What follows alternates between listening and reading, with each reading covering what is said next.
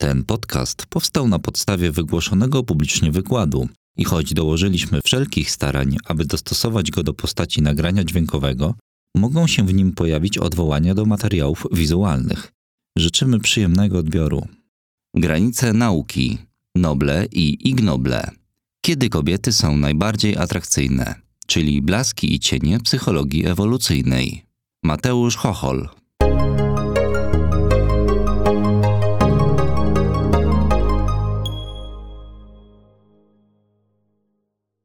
Jeśli chodzi o ten wykład dzisiejszy, to ta atrakcyjność to jest prowokacja oczywiście. Chodzi o to, żeby było ciekawie i fajnie też. A chcę opowiedzieć tak naprawdę o psychologii ewolucyjnej. Chcę opowiedzieć o e, pewnej dyscyplinie, która budzi wiele różnych kontrowersji. Ok, nie będę wykładał kawy na. Aha, jeszcze jedno, przepraszam.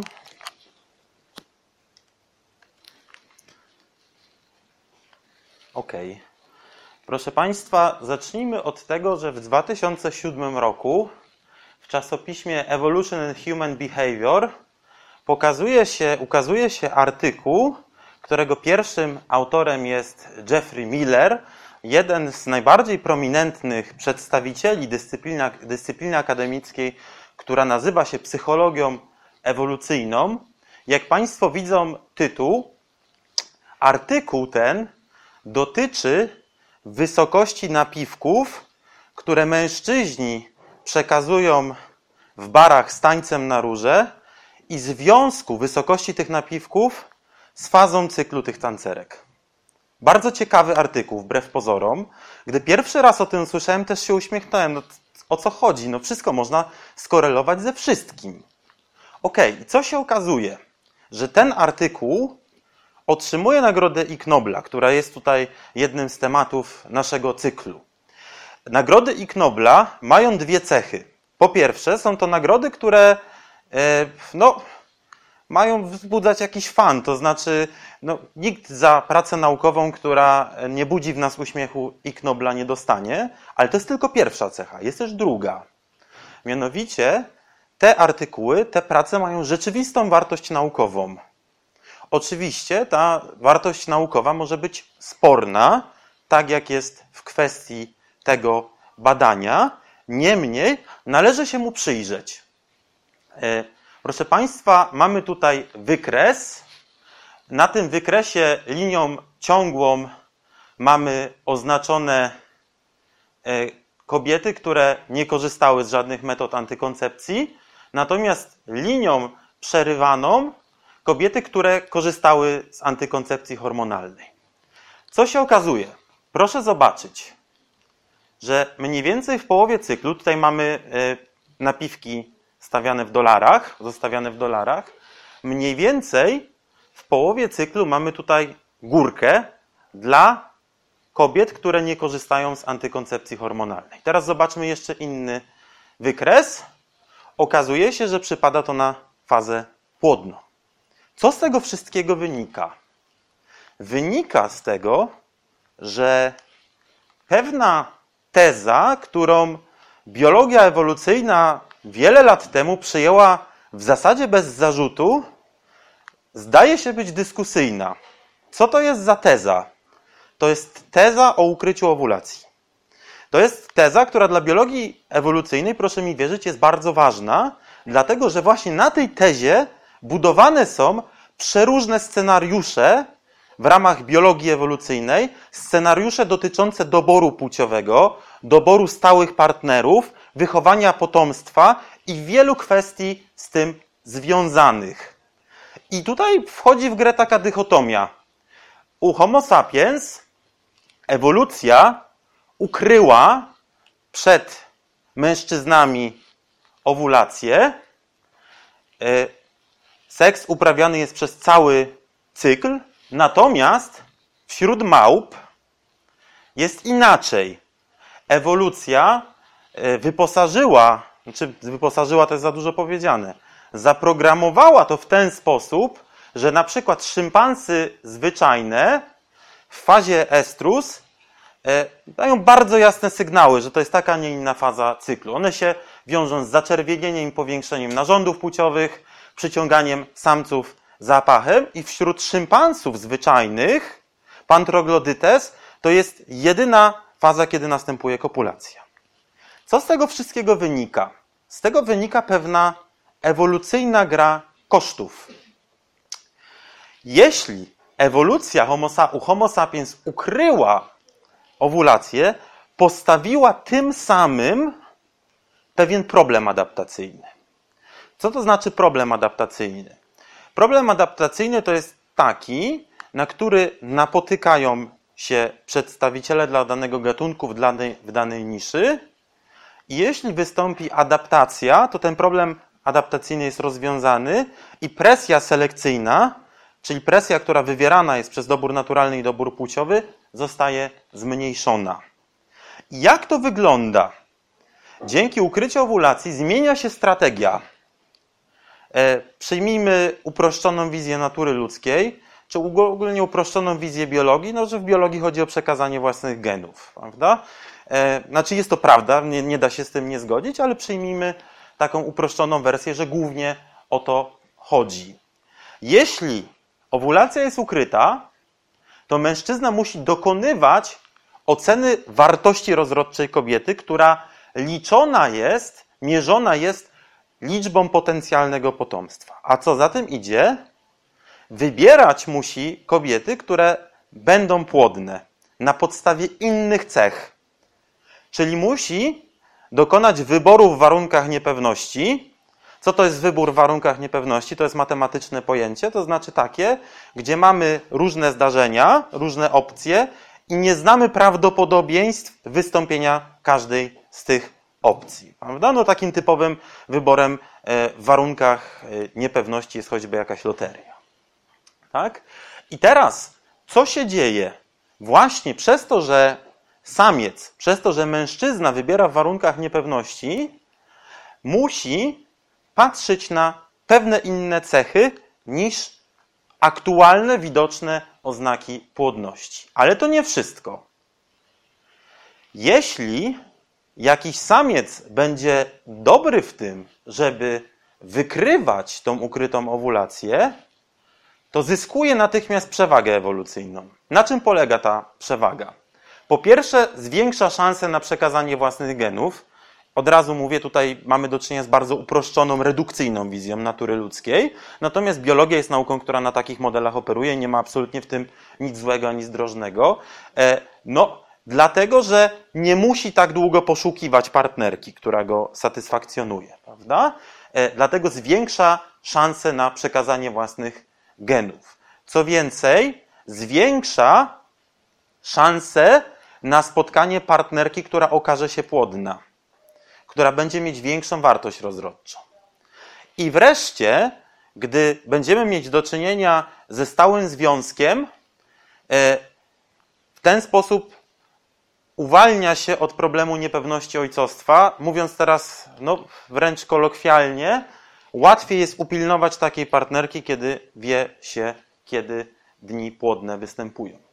E, to jest, to być może brzmi wszystko kontrowersyjnie, ale to są podstawowe pojęcia biologii ewolucyjnej, która psychologia ewolucyjna przyjmuje. Problem niepewności ojcostwa to jest e, jeden z kluczowych problemów rozważanych w ramach e, różnych matematycznych modeli, które są tutaj rozwiązywane.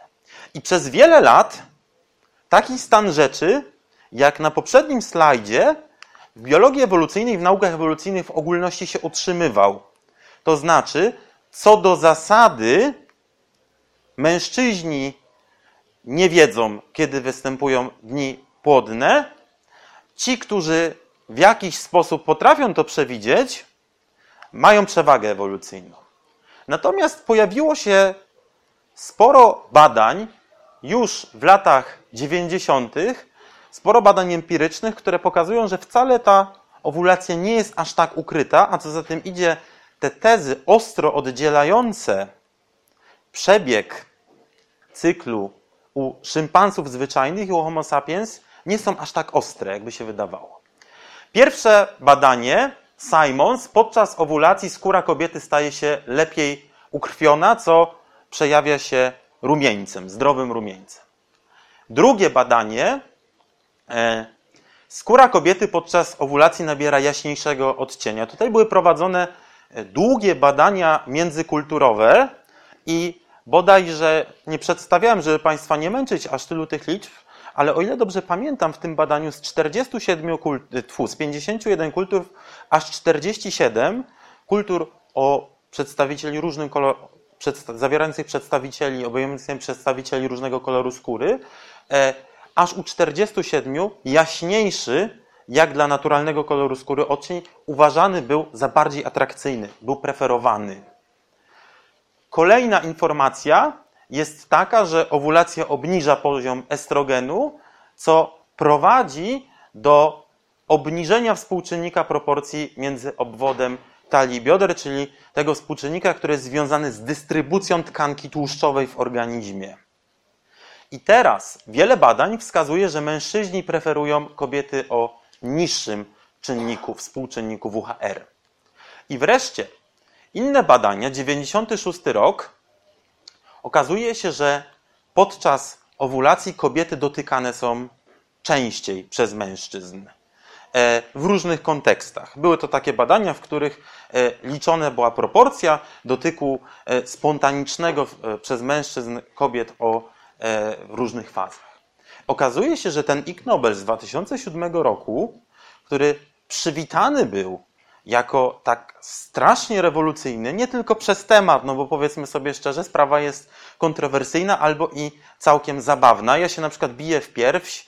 E, tutaj kolega powiedział o jakichś moich licznych książkach, nie wiem, mam dwie na koncie i w jednej wyśmiałem to badanie. I teraz tego strasznie żałuję. Dlatego nazwałem to, nazwałem to karykaturalną formą badań psychologii ewolucyjnej. Dlaczego karykaturalną? Porządne badania empiryczne, porządna statystyka i pewna informacja o naturze ludzkiej. Rzeczywiście. Ale okazuje się, że pomimo tego, że w biologii ewolucyjnej pewien scenariusz ukrytej owulacji dominował przez wiele lat, już od lat 90., proszę zobaczyć, ten stan rzeczy się zmienia i to karykaturalne badanie Millera, w cudzysłowie karykaturalne, tylko to utwierdza. Ale teraz należy zadać pytanie teoretyczne. Jak wyjaśnić te wyniki, o których mówiliśmy przed chwilą? Mamy co najmniej dwie hipotezy, z czego można je rozbić oczywiście na szereg mniejszych hipotez.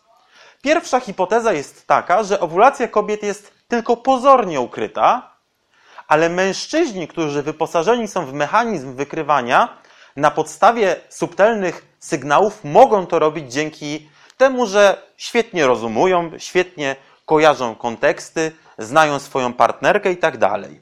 To znaczy, ich ogólne zdolności poznawcze, ich ogólna inteligencja pozwala łączyć różne fakty. Na przykład takie fakty, jak zostały przedstawione e, no, w, w tych badaniach. Prawda? Jeszcze raz do tego wrócimy. Natomiast psychologia ewolucyjna idzie o krok dalej. Mówi nie, to nie jest tak, że dzięki ogólnej inteligencji, to znaczy łączeniu różnych faktów, owulacja staje się ujawniona. Niektórzy idą znacznie dalej. Mówią, że męski mózg wyposażony jest w specjalny moduł, który wespecjalizowany jest w jednym szczególnym zadaniu. Właśnie w wykrywaniu owulacji. I to jest już teza bardzo kontrowersyjna. Zauważmy, że, zauważmy, że mamy zestaw danych empirycznych, porządne dane empiryczne, nikt się nie ma się do niczego przyczepić, mogą być wyjaśnione na dwa różne sposoby. I ten dylemat, z którym mamy tutaj do czynienia, który ja wyprowadziłem w celach, powiedzmy sobie, trochę marketingowych, żeby Państwa tu przyciągnąć, z tych badań, jest dylematem, który stoi przed naukami kognitywnymi, neuronauką, psychologią w ogólności. To znaczy, czy my rozwiązujemy poszczególne problemy, które środowisko przed nami stawia, dzięki inteligencji ogólnej, gdy psychologia poznawcza powstawała mniej więcej w latach 50. XX wieku, i wtedy rodziła się też informatyka, idea sztucznej inteligencji, uważano, że inteligencja to jest właśnie taka zdolność, ogólna zdolność do rozwiązywania wszystkich problemów. Że ludzki mózg jest takim komputerem, który rozwiązuje poprzez rozumowanie problemy w sposób ogólny. Ale później, między innymi za sprawą psychologii ewolucyjnej, sytuacja zaczęła się zmieniać. Ludzki umysł zaczął być traktowany jako zbiór takich narzędzi, które rozwiązują tylko bardzo wyszczególnione, tylko bardzo jasno sprecyzowane problemy. I psychologia ewolucyjna do tego rozwiązania, które wywodzi się choćby od Jerego Fodora, który napisał taką pracę The Modularity of Mind, modularność umysłu po prostu, dodała kontekst ewolucyjny. Ale to nie wszystko.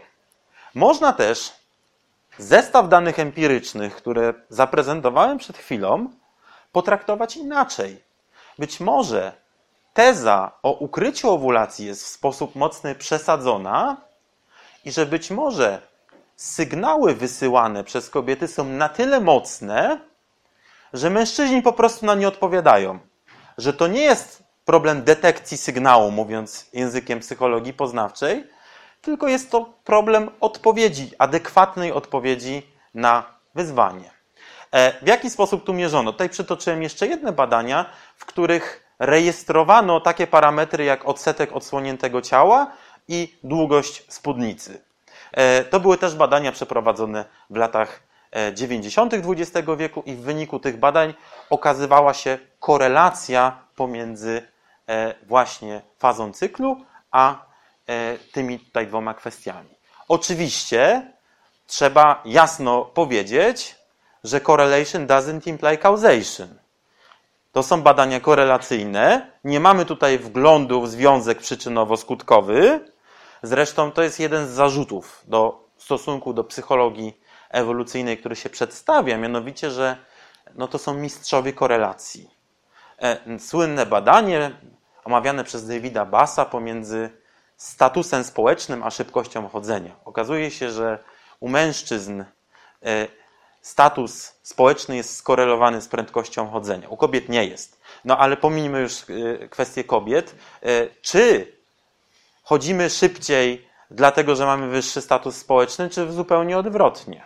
Prawda? Więc to jest problem badań korelacyjnych, które są najczęstszym schematem stosowanym przez psychologów ewolucyjnych. No dobra. Temat doboru płciowego, szeroko rozumianego, to znaczy kwestia niepewności ojcostwa, kwestia strategii seksualnych, kwestie inwestycji rodzicielskiej, są jednym z kluczowych zagadnień rozważanych przez psychologię poznawczą. Przedstawiłem tutaj kilka książek, moim zdaniem bardzo godnych polecenia. No, może nie licząc tytułu, konia z rzędem temu, kto przetłumaczył e, ten tytuł e, jako kobieta, której nigdy nie było. No, jakieś nieporozumienie, lekkie. E, ok, jakie są te badania? O tych, większość z tych badań jest Państwu znana, więc nawet ich nie wrzucałem na slajdach. Na pewno część z Państwa słyszała o badaniach na amerykańskich studentach, gdzie pytano, e, pytanie było proste, jaki, e, czy pierwszy raz napotykaną kobietą poszedłbyś, czy poszłabyś do łóżka? Okazuje się, że mężczyźni są znacznie bardziej skłonni do udzielenia odpowiedzi twierdzącej niż kobiety. E, tutaj e, metodologia psychologii się trochę nad tym pastwi. Mówi się, że tutaj w grę wchodzi dużo różnych czynników, że niekoniecznie te odpowiedzi są prawdziwe, które są udzielane, ale to pominimy. Jest to zgodne z pewnymi prawidłami, prawidłami nauk ewolucyjnych związanymi z doborem płciowym, z kwestią inwestycji rodzicielskiej i tym, że bardziej optymalne jest dla kobiet poszukiwanie pewnego partnera, dlatego też będą one bardziej wybredne niż mężczyźni. Do tego jeszcze sobie wróćmy. E, tego typu badań można przedstawiać dużo. To jest jedno z moich ulubionych, to jest dość ciekawe. Tutaj badano wpływ bycia głodnym na preferencje e, płciowe. Okazuje się, zbadano, e, zbadano 30 głodnych mężczyzn. Co tutaj się okazało? Okazuje się, że E, okazuje się, że e, im mężczyzna bardziej głodny, tym bardziej preferuje kobietę o wyższym współczynniku e, WHR. A więc można powiedzieć, że tutaj mamy, jak się liczy ten współczynnik, a więc można powiedzieć, że głodni mężczyźni preferują kształty rubensowskie. To badanie samo w sobie no, jest jakąś ciekawą korelacją, można uznać je za ciekawostkę, Natomiast psycholog ewolucyjny dołączy do tego wyjaśnienie. Wyjaśnienie będzie następujące. W okresach, kiedy dominował głód, osoby o wyższym współczynniku WHR były preferowane jako bardziej zdrowe, jako bardziej płodne, a więc jako takie, z którymi związanie się jest po prostu bardziej optymalne. Zauważmy, jaka jest tutaj strategia budowania no, teorii w psychologii ewolucyjnej. Mamy pewną korelację, wychodzimy od korelacji, która jest zarejestrowana albo kwestionariuszowo, e, albo tak jak tutaj e, w badaniu, w których wymaga się jakichś odpowiedzi e, behawioralnych i które, które zawiera jakąś manipulację, to znaczy głodzenie, mamy grupę głodnych mężczyzn, grupę niegłodnych, ale mamy coś stwierdzone, a następnie dołączamy historię wyjaśniającą na temat przeszłości naszych przodków. I to przeszłość naszych przodków wyjaśniać ma nasze aktualne preferencje, nasze aktualne skłonności do zachowań. Tutaj mamy Jeffreya e, Millera, naszego ignoblista, od którego zaczęliśmy. E, Jeffrey Miller wydał po polsku dwie książki. Jedna z nich to Umysł w zalotach, taka dość gruba księga do poduszki. Tak, księga ma jedną tezę. Ta teza nazywana jest tezą ozdobnego umysłu. Otóż, żeby, żeby tego nie strywializować, warto powiedzieć kilka słów. Na pewno wszyscy z Państwa, którzy tutaj siedzą, o teorii ewolucji słyszeli, na pewno ją rozumieją. Natomiast warto powiedzieć, że ogólna teoria ewolucji składa się, którą zawdzięczamy Darwinowi, składa się z dwóch takich podstawowych części. Teorii doboru naturalnego i teorii doboru płciowego. Teoria doboru naturalnego mówi nam tyle i tylko tyle, że dobór naturalny selekcjonuje mutacje, które przystosowują, zwiększają nasze przystosowanie do środowiska. Tak? Natomiast teoria doboru płciowego mówi z grubsza tyle, że selekcjonowane są te z mutacji, czyli błędów przypadkowych w replikacji DNA, te z mutacji, które dają efekt fenotypowy w postaci dostosowania do preferencji potencjalnych partnerów i partnerek. Dobra, możemy teraz do tego wrócić. E, psychologowie ewolucyjni zastanawiają się bardzo często, jak wyewoluował umysł. No może nie jest to jakieś wielkie odkrycie, skoro taką nazwę sobie przyjęli. E, I twierdzą, że teoria doboru płciowego była przez wiele lat zaniedbywana. E, jak poczytamy tą książkę, to można znaleźć wiele argumentów Millera, dlaczego tak było, pomińmy je teraz, ale twierdzą, że stosując teorię doboru płciowego, możemy wyjaśnić pewne cechy, dla których nie ma łatwego wyjaśnienia przy pomocy teorii doboru naturalnego. Oczywiście każdy, kto słyszał o biologii ewolucyjnej, słyszał też o pawim ogonie. Pawi ogon nie zwiększa przystosowania do środowiska, nie zwiększa w łatwy sposób no, zdolności do przeżycia, takiego pawia jest łatwiej ustrzelić, natomiast zwiększa szanse na rozprzestrzenienie własnych genów, genów dlatego że e, pawi ogon jest tutaj oznaką, która będzie preferowana przez pawicę, przez samicę pawia. Ok, jaki ma to związek z umysłem? Otóż hipoteza ozdobnego umysłu mówi, że konstrukcja, struktura naszych umysłów, w szczególności struktura męskich umysłów, wyewoluowała pod presją właśnie doboru płciowego. I nasz umysł jest takiego swego rodzaju pawim ogonem. W ten sposób na przykład Jeffrey Miller tłumaczy uwielbienie dla Mika Jaggera albo innych gwiazd popkultury, które wcale nie, wcale nie wyglądają zbyt zdrowo, wcale nie, wyglądają, wcale nie wyglądają na dobry materiał genetyczny bardzo często. Natomiast oprócz tego, że mają wysoki status materialny najczęściej, co w doborze płciowym jest niezwykle istotne, e, mają jakieś treści umysłu, które są preferowane. Pominę tą kwestię, dlatego że bardzo łatwy sposób można by tutaj psychologię ewolucyjną zaatakować i całkowicie to umysłowe wyjaśnienie relegować y, na rzecz wyjaśnienia y, majętności, wyjaśnienia związanego z zasobami. E, pominę też to dlatego, że ten sposób tworzenia hipotez ewolucyjnych wygląda na całkiem ad hoc. To znaczy, można sobie stworzyć dowolną hipotezę po to, żeby wyjaśnić kształt obecnego umysłu. Ok, ale powiedzmy coś o psychologii ewolucyjnej bardziej pozytywnego.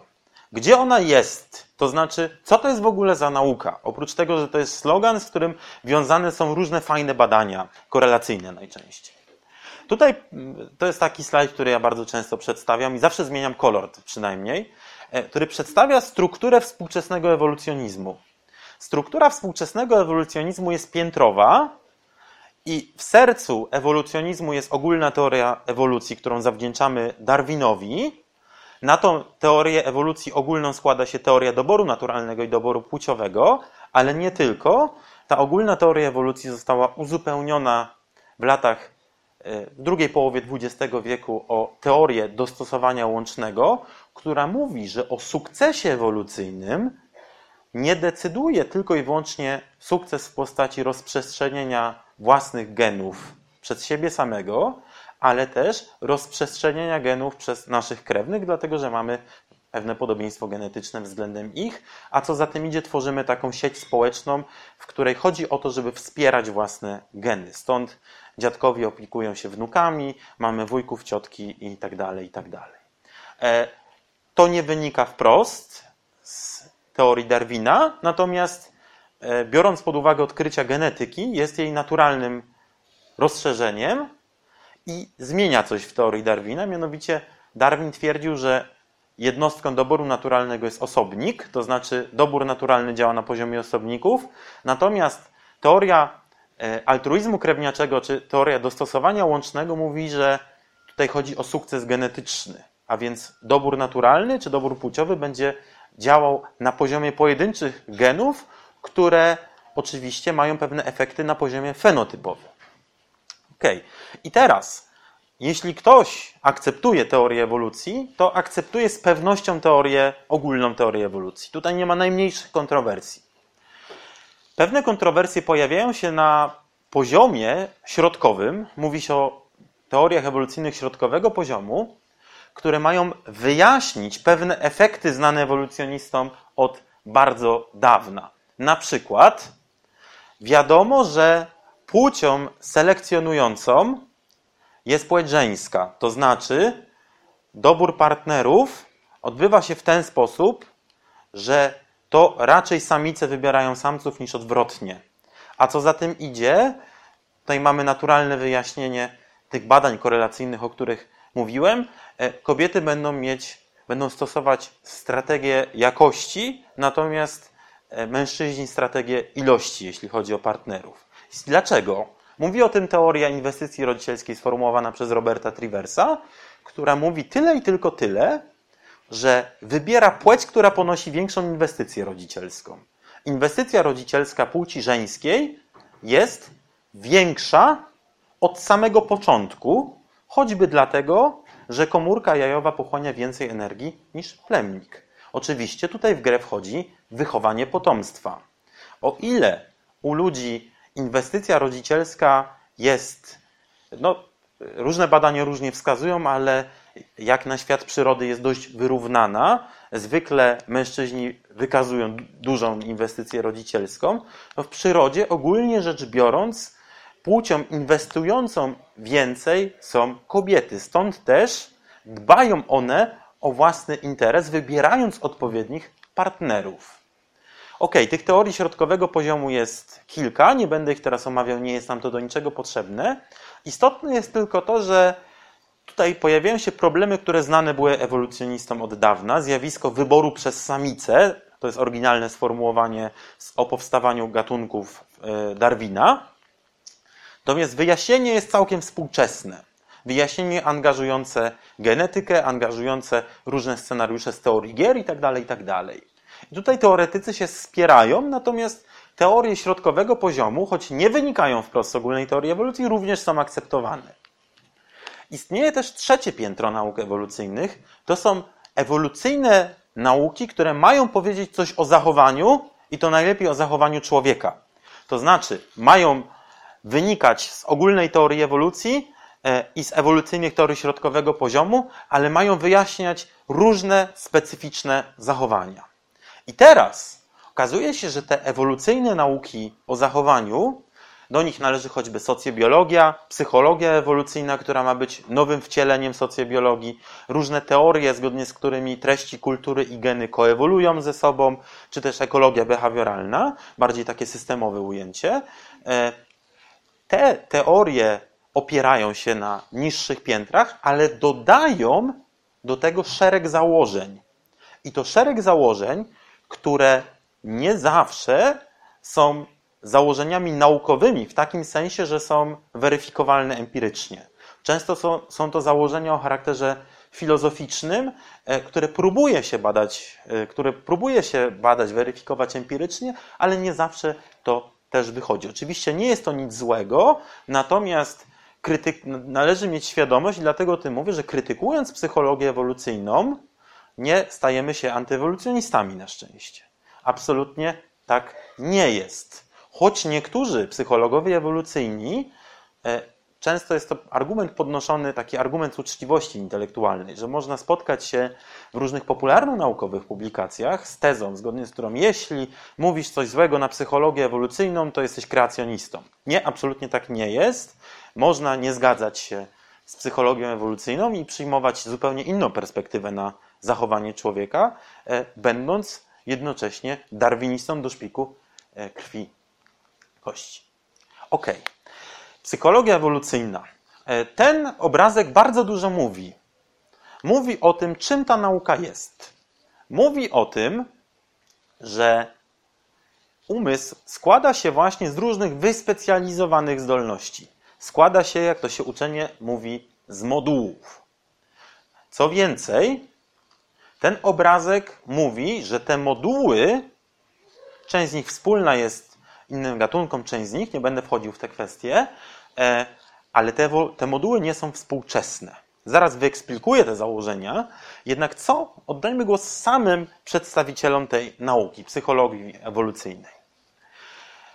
John Tubi i e, Leda Kosmides mówią, że podstawowym celem badań z zakresu psychologii ewolucyjnej jest odkrycie i zrozumienie, w jaki sposób umysł został zaprojektowany. I psychologia w tym ujęciu to jest gałąź biologii, której przedmiotem badań jest mózg, to w jaki sposób przetwarza informacje oraz w jaki sposób typ przetwarzania informacji wpływa na zachowanie. Dlaczego jest to istotne?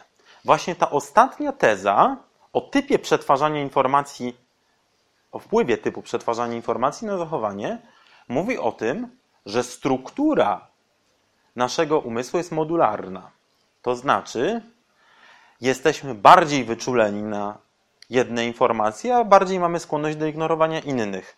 Też na tej sali kiedyś opowiadałem e, o takich badaniach, w których okazało się, okazywało się, że ludzie całkiem dobrze radzą sobie z rozwiązywaniem pewnych problemów w kontekście społecznym, ale jeśli ten kontekst społeczny zostanie zamieniony na kontekst abstrakcyjny, to znaczy zostanie przepisany w postaci e, literek i cyfr, to ludzie przestają sobie z tym radzić. Wyjaśnienie psychologów ewolucyjnych, zresztą Tubiego i Kosmides, których mamy tutaj w podpisie, jest takie, że ludzki umysł został zaprojektowany do radzenia sobie z sytuacjami społecznymi, ale radzenie sobie z sytuacjami abstrakcyjnymi, gdzie mamy do czynienia z liczbami i z pojedynczymi literami, którym nie da się przypisać odpowiedniego sensu i kontekstu, nie jest dla nas naturalne, więc przychodzi nam ze znacznie większym trudem. Teraz, psychologowie ewolucyjni no, to jest szkoła, która wywodzi się z Uniwersytetu Santa Barbara e, w latach 90. E, mamy tutaj Tubiego i Kosmides, mamy Stevena Pinkera z Uniwersytetu Harvarda, bardzo prominentnego e, pisarza popularno-naukowego. Mamy też Davida Bassa. E, to są takie osoby, które są najbardziej medialne z tego towarzystwa naukowego. Natomiast oni powołują się bardzo często na swojego założyciela, którym był Karol Darwin. Oczywiście autorytet Darwina jest fajnie sobie przypisać. E, to z pewnością wpływa na powagę. E, ale jest w tym coś z prawdy, bo o ile Darwin o pochodzeniu gatunków nie interesował się w ogóle ewolucją człowieka, E, niektórzy twierdzą, że bardzo się interesował, ale przemilczał wszystkie fakty z, z jakichś powodów. Pominimy to dlatego, że kilka lat później wydał o pochodzeniu człowieka. I w o pochodzeniu człowieka możemy znaleźć bardzo dużo różnych tez, które zostały rozwinięte przez psychologię ewolucyjną. E, do tych tez należą choćby te, o których mówiłem przed chwilą, właśnie o wyborze przez samicę, o doborze płciowym i wiele innych. Ale psychologia ewolucyjna to nie tylko Darwin ubrany w szaty współczesne i ubrany w język współczesnej biologii ewolucyjnej, nie tylko Darwin ubrany w różne matematyczne modele, na przykład wywodzące się z teorii gier, ale także ubrany w szaty komputerów. Wróćmy teraz do lat 50., choć psychologia ewolucyjna rodzi się w latach 90. W latach 50. rodzi się psychologia poznawcza, w szczególności kognitywistyka w ogólności. E, rodzi się na kanwie takiej wizji umysłu, zgodnie z którą ludzki umysł to jest komputer. To jest system przetwarzający informacje i to na sposób algorytmiczny. Prowadzi nas to do postaci Turinga, który w 1936 roku publikuje taki artykuł o liczbach obliczalnych, którym systematyzuje, w którym przedstawia ścisłą definicję czegoś, z czego matematycy korzystają od starożytności, to znaczy od algorytmu. Dopiero wtedy wiadomo, co to jest do końca algorytm. I to daje pewne podwaliny do konstrukcji maszyn liczących, ale też nadzieję, że maszyny liczące będą mogły naśladować umysł ludzki. Do tego dochodzi jeszcze jedno założenie, że właśnie umysł ludzki, jego, tego umysłu ludzkiego adekwatnym modelem jest komputer, czy maszyna Turinga, w szczególności ta abstrakcyjna, e, abstrakcyjny model komputera. I teraz w psychologii ten pomysł, zgodnie z którym umysł działa na sposób algorytmiczny, jest to system przetwarzający informacje, ma się dobrze do dziś. Natomiast psychologowie ewolucyjni wykorzystują go pewnym jego wariancie. Gdy wrócimy jeszcze do lat 50., to ideałem inteligencji jest rozwiązywanie różnych zadań, gra w szachy i twierdzi się, że taka inteligencja ogólna przekłada się w prosty sposób na inne obszary tego, co możemy nazwać inteligencją. Że jeśli maszyna będzie wyposażona w inteligencję ogólną, to będzie w ogóle przypominać człowieka. Taki tutaj jest pomysł. Y, tworzy, próbuje się tworzyć programy sztucznej inteligencji, które miałyby rozwiązywać wszystkie problemy. I właśnie nie istnieje coś takiego jak wyspecjalizowanie tego komputera. Ten komputer może rozwiązać każdy problem, który zostanie oczywiście przedstawiony w odpowiednim języku, dla e, którego e, jest dostępny. I ludzki umysł ma przypominać właśnie taki superkomputer, który może wszystko, dlatego że ma jedną algorytmiczną, niezawodną metodę rozwiązywania problemów. Psychologia ewolucyjna wykorzystuje taki argument z teorii obliczeń, który mówi, że obliczenia, które dokonywane są w różnych modułach, a nie przez jedną wielką supermaszynę, są po pierwsze bezpieczniejsze, bo gdy jeden z tych modułów się, mówiąc krótko, wysypie, to nie wpływa na działanie innych modułów, a po drugie, niezależne obliczenia są po prostu lepsze w sensie mocy obliczeniowej. Zamiast tworzyć jeden wielki superkomputer, też ekonomiczniej jest tworzyć sieć komputerów. Mamy już więc dwie racje, dlaczego zamiast ludzkiego umysłu superkomputera psychologia ewolucyjna mówi, że buszuje w nas stado małych komputerów, które liczą różne łatwe dla nich rzeczy, żeby wykonywać różne zadania. Jest też trzeci argument, E, do mnie on nie przemawia, prawdę mówiąc, ale on jest często podnoszony, mianowicie, że łatwiej jest sobie wyobrazić e, ewolucję stopniową komputerowego umysłu jako stopniowego przyrostu tych modułów, niż ewolucję jednego wielkiego supersystemu komputerowego w naszej głowie. Otóż, z jednej strony wydaje się to bardzo racjonalne i sensowne. Dlaczego? Dlatego, że E, dlatego że poszczególne programy, poszczególne moduły mają rozwiązywać poszczególne problemy adaptacyjne, na przykład problem wykrywania owulacji, z którym mieliśmy do czynienia, ale nie tylko. Te poszczególne problemy mogą się zmieniać w czasie, a więc tych programów może przybywać. Dlaczego ten argument do mnie nie przemawia? Bo yy, zakładając, że mój umysł jest komputerem, to równie trudno mi jest sobie wyobrazić to, że byłby superkomputerem, jak i zbiorem małych komputerów. Natomiast jeśli przyjmiemy, jeśli wierzymy rzeczywiście, że ludzki umysł jest komputerem, to yy, ten argument ewolucjonistów yy, zdaje się mieć sens. Wyeksplikujmy zbierzmy tezy psychologii ewolucyjnej, które przewijały się podczas tej mojej prezentacji i spróbujmy też dodać do nich kilka nowych. Pierwsza teza, że umysł to jest komputer, który powstał w wyniku działania sił selekcyjnych, czyli działania doboru naturalnego i jak powie Jeffrey Miller, co będzie podkreślał w książce Umysł w zalotach, doboru płciowego. Po drugie, po co jest umysł? Po to, żeby generować zachowania. Nie jest to oczywiście teza e, kontrowersyjna, nie jest to teza specyficzna dla psychologii ewolucyjnej. Niemniej, psychologowie ewolucyjni właśnie podkreślają, że poszczególne moduły generują różne zachowania. Co więcej, może dojść do sprzeczności, może dojść do takiego konfliktu poznawczego, gdzie dwa różne moduły generują dwie przeciwstawne tendencje do zachowania.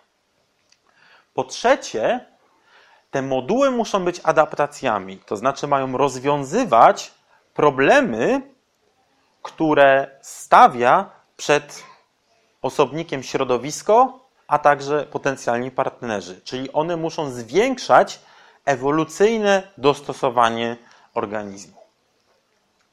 Po czwarte, to jest teza bardzo kontrowersyjna.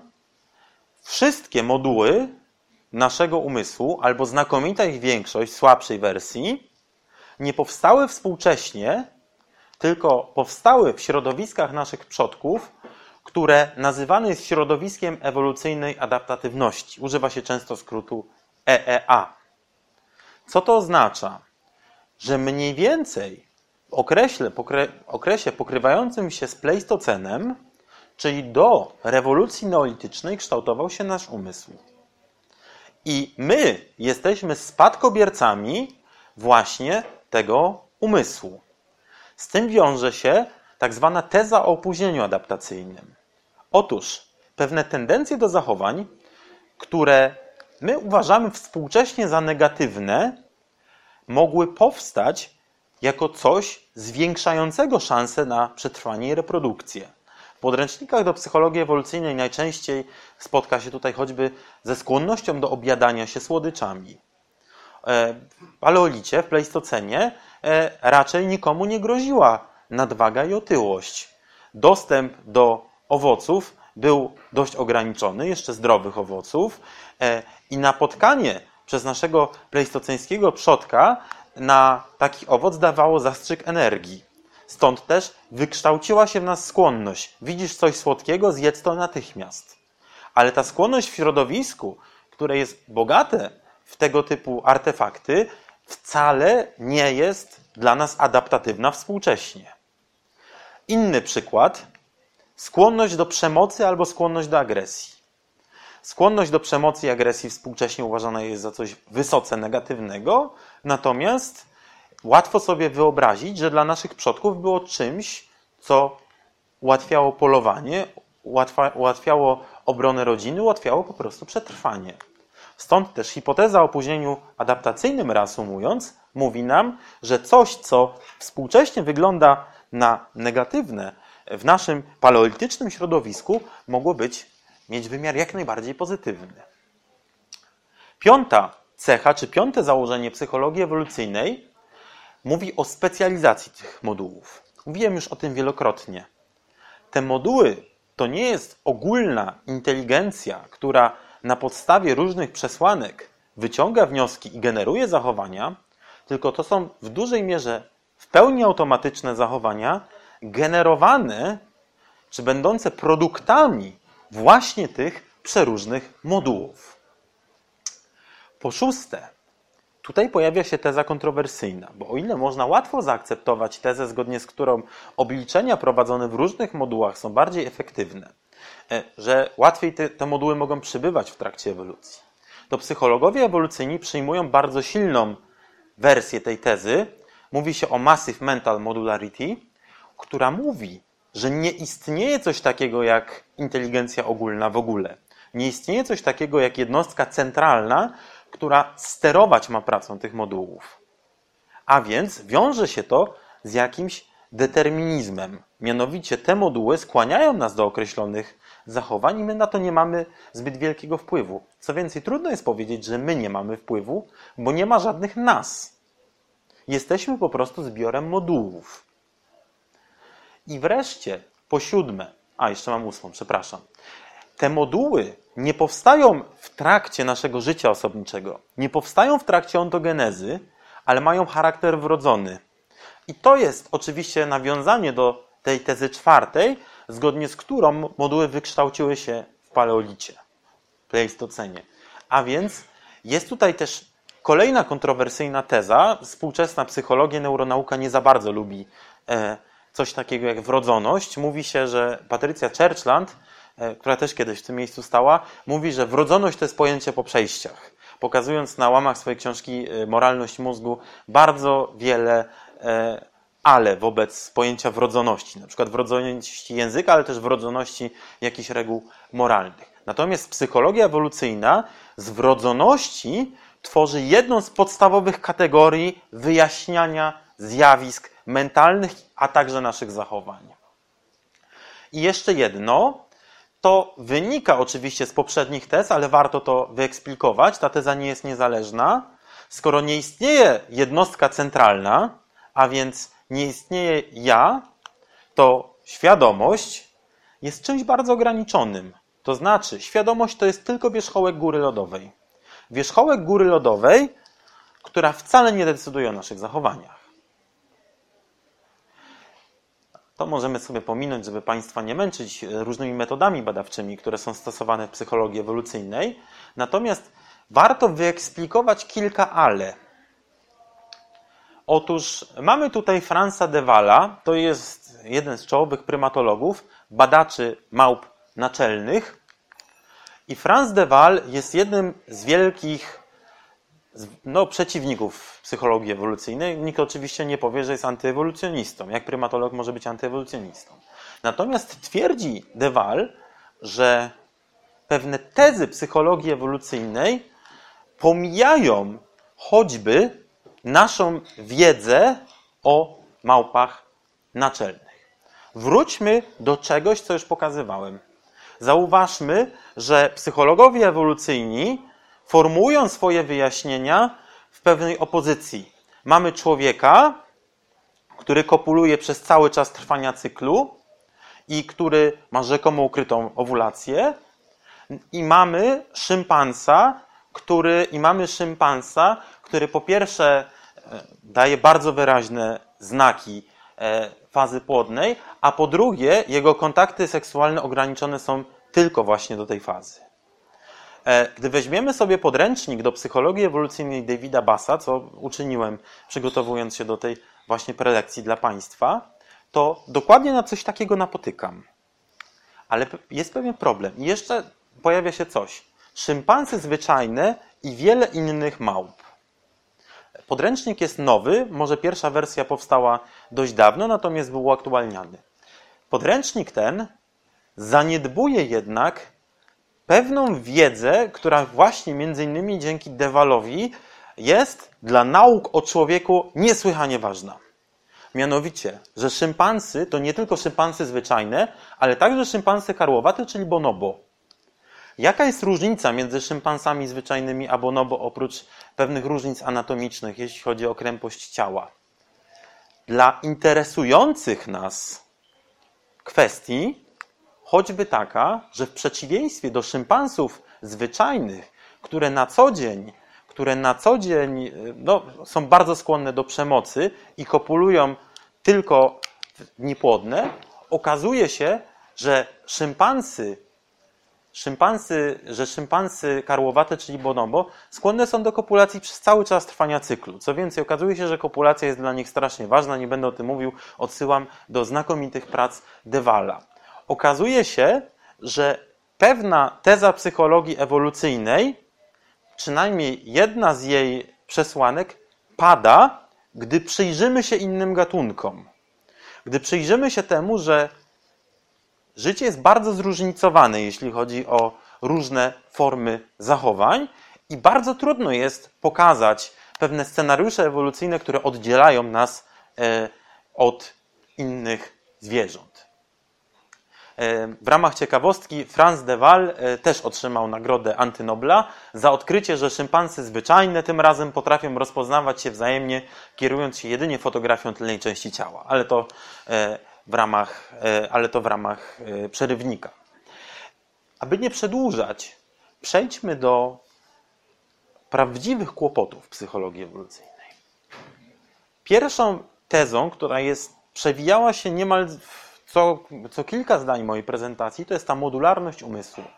Mówi się tutaj o wizji umysłu jako szwajcarskiego scyzoryka, który ma różne ostrza. Jednym możemy sobie otworzyć e, puszkę od piwa, innym możemy sobie e, spiłować paznokcie, a jeszcze innym możemy przeciąć drewno i możemy też szydełko wyjąć, prawda? Różne narzędzia tego scyzoryka służą do rozwiązywania poszczególnych problemów. Nie istnieje jedno super ostrze, którym możemy zrobić wszystko jak Rambo swoim nożem na przykład. Raczej taka wizja umysłu tu funkcjonuje. Okazuje się jednak, że taka wizja umysłu uznawana jest często za kłopotliwą. Twierdzi się również, że modularność, korzystając z metafory, o której powiedziałem przed chwilą, też jest pojęciem po przejściach. Dlatego, że schodząc na poziom mózgu, bardzo trudno jest już mówić o modułach. Bardzo trudno jest postawić wyraźne kryteria, co jest, a co nie jest modułem. Co więcej, trudno jest stwierdzić w badaniach eksperymentalnych, który moduł z postulowanych przez psychologów ewolucyjnych odpowiedzialny jest za wykonanie konkretnego zadania. A więc teza o modularności umysłu ma w dużej mierze walor, nie, nie bójmy się użyć tego słowa, metafizyczny niż naukowy w sensie testowalnym empirycznie. Po drugie, e, mamy tutaj białego misia polarnego. E, taką, nie znam się na e, misiologii, natomiast można tak potocznie wykoncypować, że to, że miś polarny jest biały, jest adaptacją do tego, że łatwiej się mu zakamuflować właśnie w takim środowisku i łatwiej mu polować i tak dalej, i tak dalej, prawda? Ale wielkim błędem jest twierdzenie, zgodnie z którym wszystko jest adaptacją. Okazuje się, że takie twierdzenie, które mówi, że produkty działania ewolucji to są adaptacje, a więc cechy fenotypowe, które pozwalają nam sobie lepiej radzić w środowisku i spełniać wymagania partnerów i partnerek dla doboru płciowego, taka teza jest z gruntu antyewolucyjna. Jeden z biologów ewolucyjnych, twórców współczesnego ewolucjonizmu, George Williams, mówi, że trzeba mieć naprawdę bardzo silne dowody, aby stwierdzić, że dana cecha fenotypowa jest adaptacją. Być może my się tutaj daliśmy zwieść swojej wyobraźni. Ja nie jestem biologiem, e, może ktoś z Państwa e, tą tezę obali, być może biały kolor futra wcale nie jest adaptacją.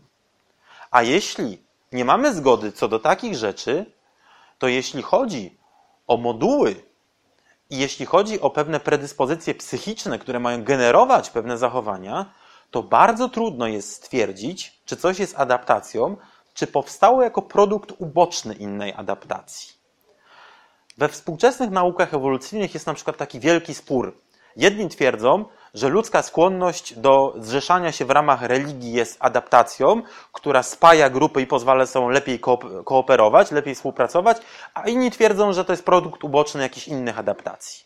Tak samo jest z polityką, tak samo jest z innymi zagadnieniami, nazwijmy to socjologicznymi. Po prostu tego nie wiadomo. Jeśli jest jeszcze jedna nieprzyjemna konsekwencja, jeśli wyjaśniamy zjawiska przyrody w ten sposób, że szukamy adaptacji tylko i wyłącznie w każdej cesze umysłu, którą jesteśmy w stanie zbadać, z czymś skorelować, będziemy poszukiwać adaptacji, to możemy wyrzucić teorię ewolucji niechcący z grona teorii naukowych. Dlaczego? Dlatego, że e, jakie organizmy są najlepiej zaadaptowane, najlepiej przystosowane? Takie, które zostawiają najwięcej potomstwa. Prawda? A które organizmy zostawiają najwięcej potomstwa? No te, które są dobrze przystosowane. Mamy błędne koło. Prawda? Nasze wyjaśnienia są koliste. Możemy go uniknąć bardzo prosto, twierdząc, że nie, wcale nie. Nie wszystko jest adaptacją. To jest po prostu jakaś pomyłka. Po trzecie, pominąłem pewną kwestię, która określana jest jako inżynieria odwrotna. Ta inżynieria odwrotna ma być specjalną metodą, którą stosować ma psychologia ewolucyjna. Z czym mamy do czynienia? No, z jakim zjawiskiem, które obserwujemy, jakimkolwiek. Musimy wymyślić scenariusz ewolucyjny, rozbierając tą cechę na jakieś proste elementy, tą, którą obserwujemy, i wymyślając najbardziej prawdopodobne wyjaśnienie, w jaki sposób dobór naturalny zaprogramował aktualny kształt tej cechy. Prawda? Czyli musimy, krótko mówiąc, wymyślić, jak w toku dziejów dany wytwór, dana cecha fenotypowa najczęściej, e, stała się tą cechą, a nie inną. Jakie problemy rozwiązywała ta cecha, gdy zaczęła się tworzyć dla naszych przodków i tak dalej. Tak? Postępujemy jako inżynierowie odwrotni. To, jest, to znaczy patrzymy, patrzymy, nie mamy instrukcji, jak coś złożyć, tylko próbujemy coś rozłożyć, żeby otrzymać instrukcję, jak to powstało. E, to, to może nas doprowadzić do tego, że będziemy tworzyć bardzo dużo scenariuszy, które będą po prostu historyjkami, które będą sensownymi historyjkami ewolucyjnymi, ale nieweryfikowalnymi. I trudno jest wskazać dobre kryteria wyboru odpowiednich historyjek, powstania tych cech fenotypowych. Kolejna kwestia. Bardzo trudno jest nam poznać strukturę umysłów naszych przodków, a podstawowe założenie psychologii ewolucyjnej mówi, że nasz umysł jest umysłem właśnie o strukturze takiej jak, nasze, jak naszych przodków. Tutaj pokazałem przedstawicieli plemienia Piracha, jak wskazują różne badania antropologów, struktura umysłów tych współczesnie nam istniejących ludzi jest zupełnie inna niż struktura umysłu e, nasza, nasza struktura europejska. E, twierdzi się, że e, członkowie Piracha nie mają liczb, twierdzi się, że członkowie Piracha inaczej postrzegają czas i przestrzeń. Wiele różnych różnic tutaj można wyliczać. Jeśli tak, to jakim prawem twierdzimy, że jesteśmy spadkobiercami struktury umysłów naszych przodków, że mamy takie, a nie inne moduły? Po kolejne, mówi się, że nasz umysł powstał w środowisku ewolucyjnej adaptatywności. To EEA. Z grubsza rzecz biorąc, to była sawanna. Ale znając informacje o klimacie, znając informacje geograficzne, wiemy, że trudno jest powiedzieć, że jednorodne środowisko tworzenia się umysłu istniało. Środowisko zmieniało się i zmienia dalej. A więc być może nie istniało jedno, jeden czas, w którym nasze zdolności umysłowe były tworzone. I to wiąże się z jeszcze jedną tezą, dla mnie jako ewolucjonisty bardzo przykrą. Mianowicie, jeśli mój umysł jest umysłem z epoki Pleistocenu, to co? To ewolucja umysłu się zakończyła? Przecież nie może być czegoś takiego jak zakończenie umysłu, zakończenie ewolucji umysłu. Przecież e, od wynalezienia rolnictwa, e, kiedy liczy się koniec Pleistocenu, w naszej historii wydarzyło się naprawdę dużo ciekawych i spektakularnych rzeczy.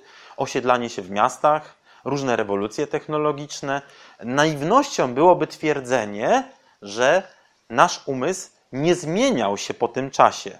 A więc raczej nasz umysł nie jest umysłem z epoki kamienia upanego. Co więcej, w ramach y, różnych y, dziedzin nauk kognitywnych, na przykład bada się wpływ nowych technologii na nasz umysł, prawda?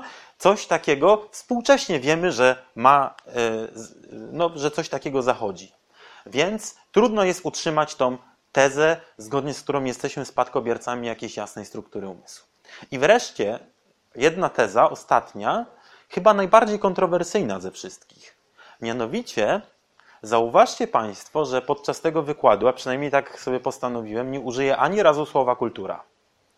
A bardzo wiele rzeczy, które no, wiążemy z kulturą, takie jak normy dobierania się w pary, normy, e, normy akceptowalnego współżycia itd., itd., mają charakter kulturowy. Zauważcie Państwo, że psychologia ewolucyjna w ogóle nie używa kategorii kultury. Twierdzi raczej, że taki model wyjaśniania zjawisk, w którym prowadziło się, w którym wyprowadzało się te zjawiska z tendencji, zdolności do uczenia się i tworzenia norm kulturowych jest przestarzały. Że należy raczej uwierzyć w to, że nasz umysł jest zaprogramowany, że nasz umysł jest umysłem, który ma w dużej mierze wrodzony charakter.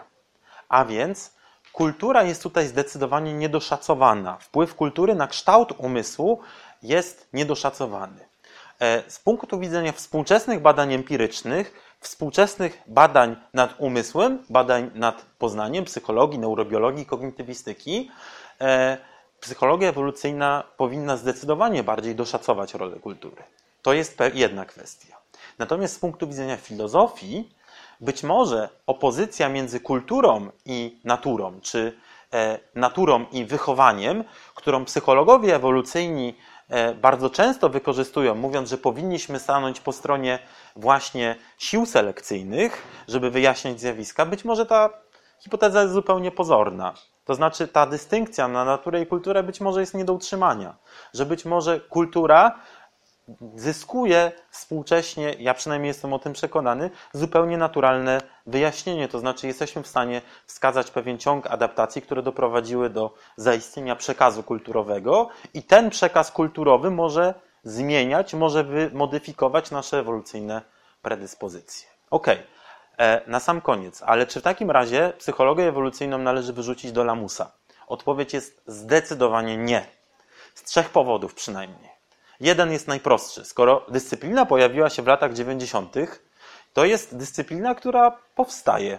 To jest dyscyplina, która dopiero ma przed sobą bardzo wiele i perspektywy tej dyscypliny są zupełnie nieznane. Być może pewne kontrowersje mogą zostać wyeliminowane i dyscyplina ta będzie, mówiąc krótko, bez zarzutu z punktu widzenia e, metodologii nauk filozofii, czy zestawiając ją z wynikami różnych innych badań e, nad zachowaniem człowieka.